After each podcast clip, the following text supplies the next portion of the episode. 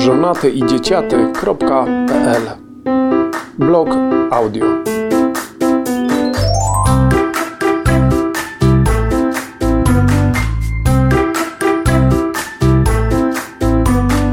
Czyta autor. Kula u nogi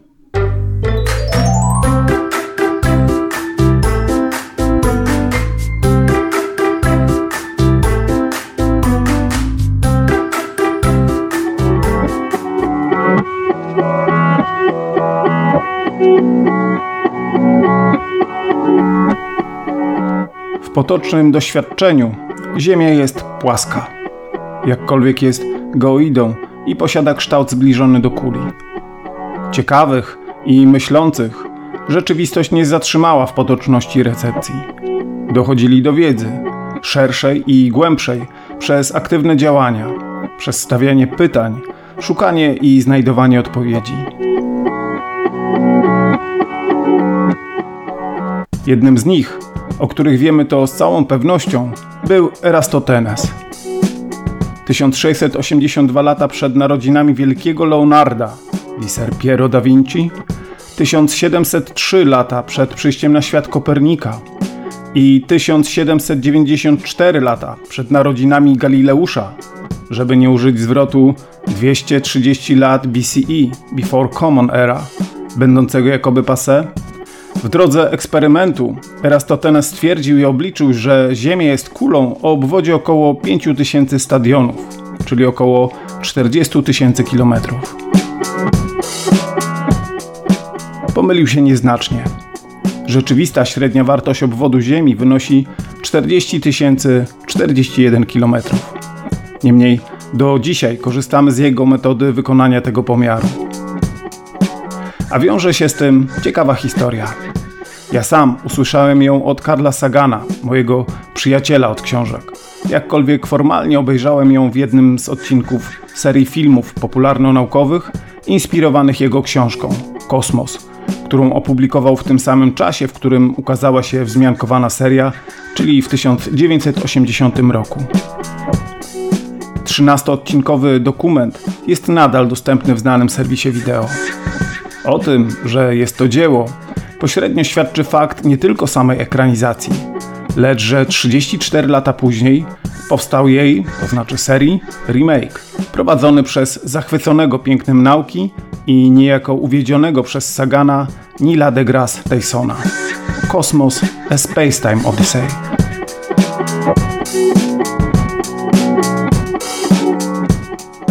O ile pierwotne dzieło Sagana trąci myszką w kontekście stosowanych w niej efektów specjalnych, absolutnie świetnych na tamte lata, reedycja serii została wykonana przy użyciu najnowszych zdobyczy technologii i co najważniejsze, w świetle zaktualizowanej w stosunku do oryginału wiedzy. Gorąco polecam Tobie i progeniturze obie serie.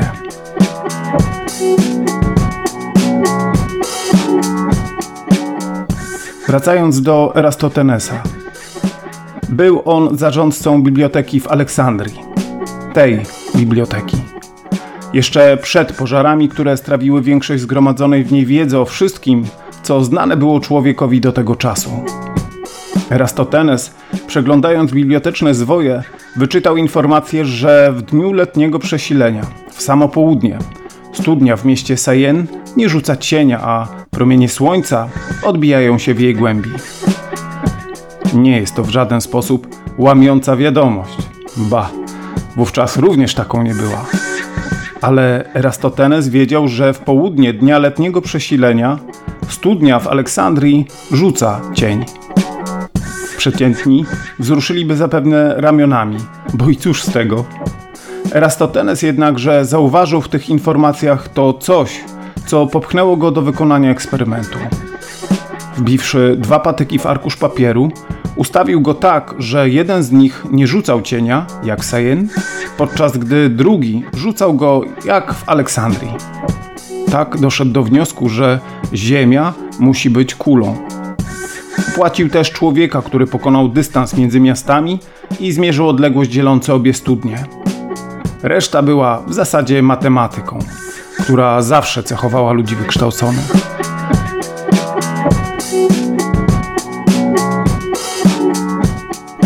Dlaczego piszę o tym wszystkim?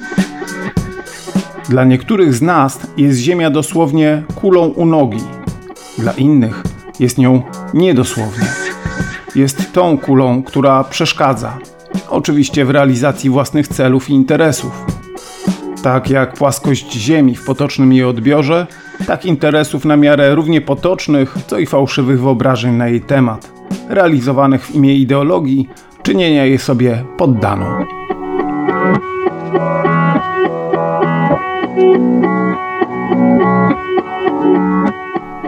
Ta kula ze zdjęcia została zrobiona rękoma dziecka, takiego zainteresowanego światem, pragnącego poznawać i rozumieć.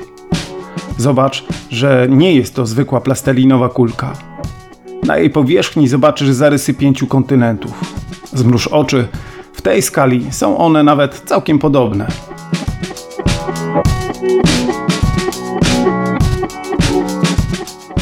Ale to nie wszystko. Wszak Ziemia ma swoją budowę geologiczną.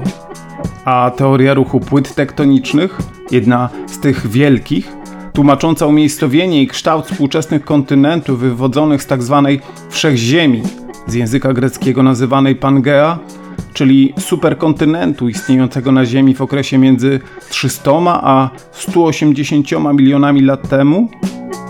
Również ten model Ziemi posiada swoje jądro i płaszcz. Majstersztyk.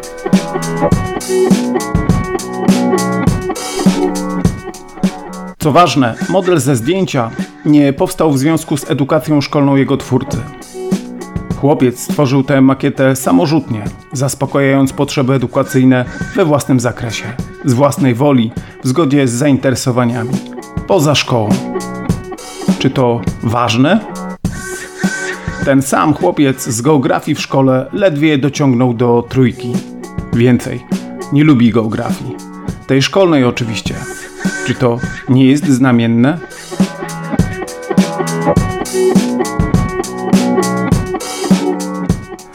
Twierdzę, że szkoła ignoruje potrzeby dziecka.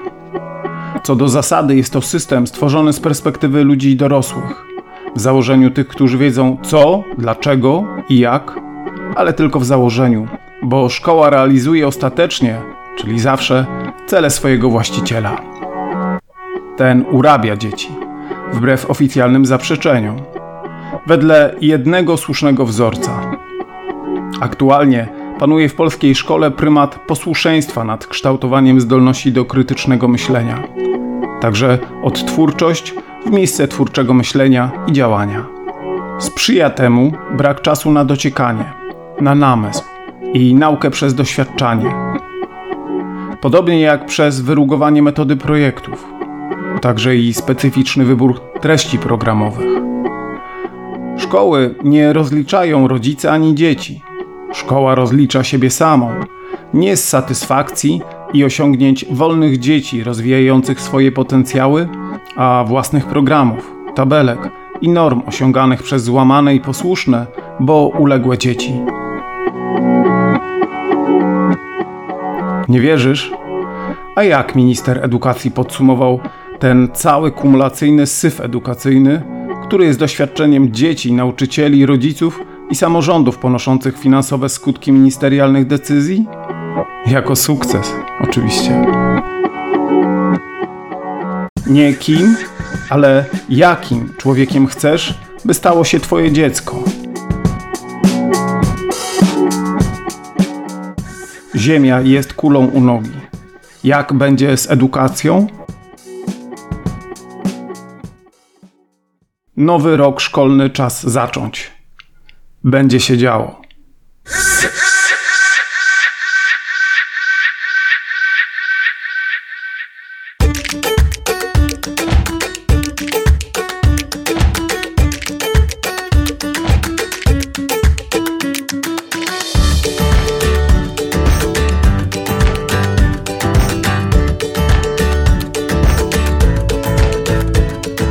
Piszę, bo lubię. Nagrywam, bo mogę. Słuchasz, bo wspierasz.